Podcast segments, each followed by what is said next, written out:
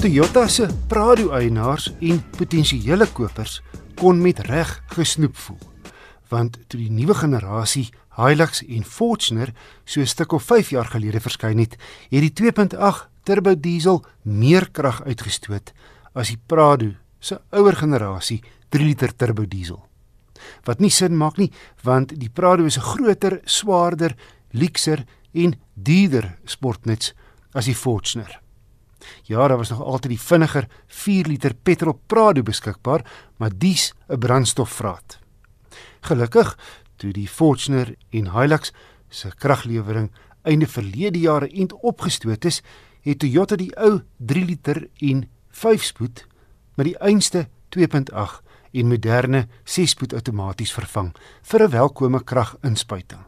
30 kW en 'n volle 100 Nm meer vir 'n respekteerbare 150 kW en 500 Nm.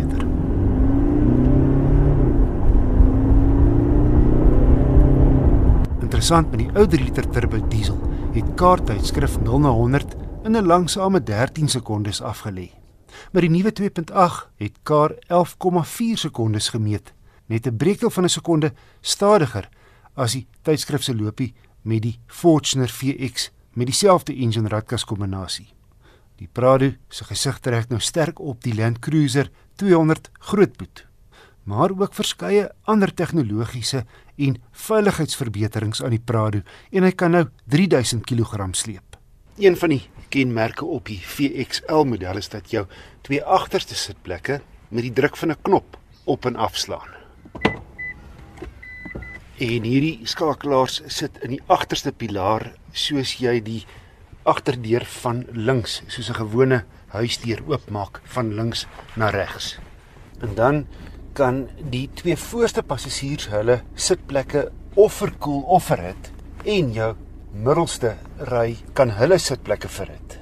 Kenmerke soos 'n sondak, aanpasbare togbeheer en verskillende bestuursmodusse kom ook standaard op die topmodel baie spasie vir insittendes en hul bagasie. Die tweede ry sitplekke kan vorentoe en agtertoe skuif. So iets op daar onder daai slootjie kan sit. Tydens 'n vakansie na Umbabat teen aan die Kreerwildtuin het ek ook kans gehad om sy legendariese veldry vermoë te toets. Sy agterste en sentrale ewenaars sluit. En die Prado kan hidrolies lig. Hier is by rotse kom ons sit hom in sy rotsmodus.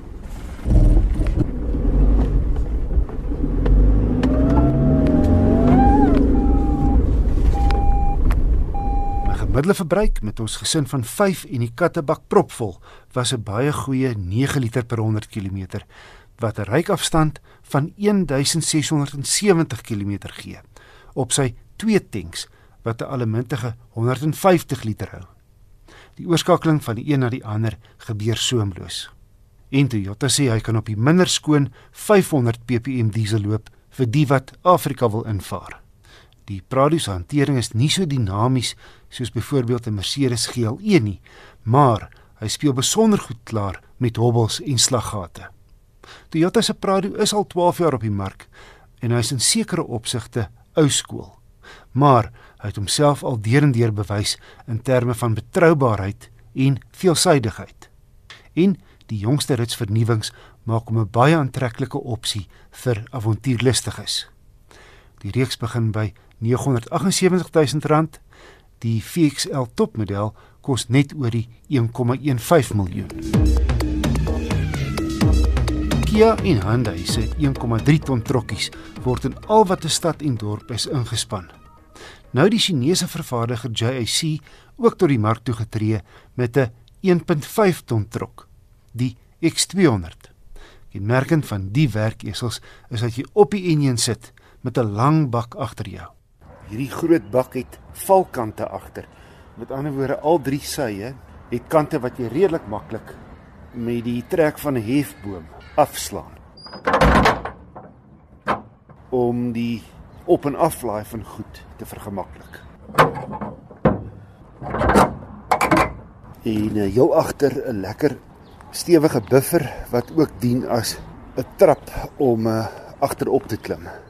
Van agteraf word jy ingelig. Links staan 1.5 ton, dis hoeveel gewig hy kan dra. regs 2.8 TD vir die 2800cc turbo diesel masjien. Mense is skepties oor Chinese rygoed, maar op die oog af lyk die JAC goed aan mekaar gesit. Binnekant soos buite het die boukwaliteit of in elk geval die aanvoelbare boukwaliteit my beïndruk. Nêrens kon ek 'n skewe paneel of 'n uh, swak stuk werk oplet nie. En die paneelbord vir 'n werkesel is nogal heel netjies uitgelê asook die sentrale konsole met 'n radio. Die groot ding is ligversorging kom standaard. Dis nou boonbehalwe kragstuur en ehm um, wat ook handig te pas kan kom is hy het plek vir 3 mense voor. En as jy die middelste se plek wat 'n bietjie dunner is as die ander twee nie gebruik nie, kan jy die rugleuning afslaan wat dan vir jou twee koppiehouers gee as ook 'n laai wat kan oopslaan waar jy goed soos 'n beursie of sleutels of 'n notaboek kan uh, toemaak buite die sig van omstanders. Verder kan die hoofligte op en afstel en die deure sluit outomaties sodra jy 40 km/h bereik.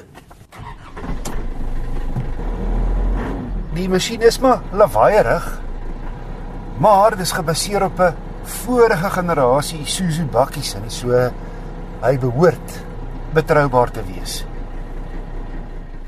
Die 2.8 turbo diesel skop 80 kW en 240 Nm uit.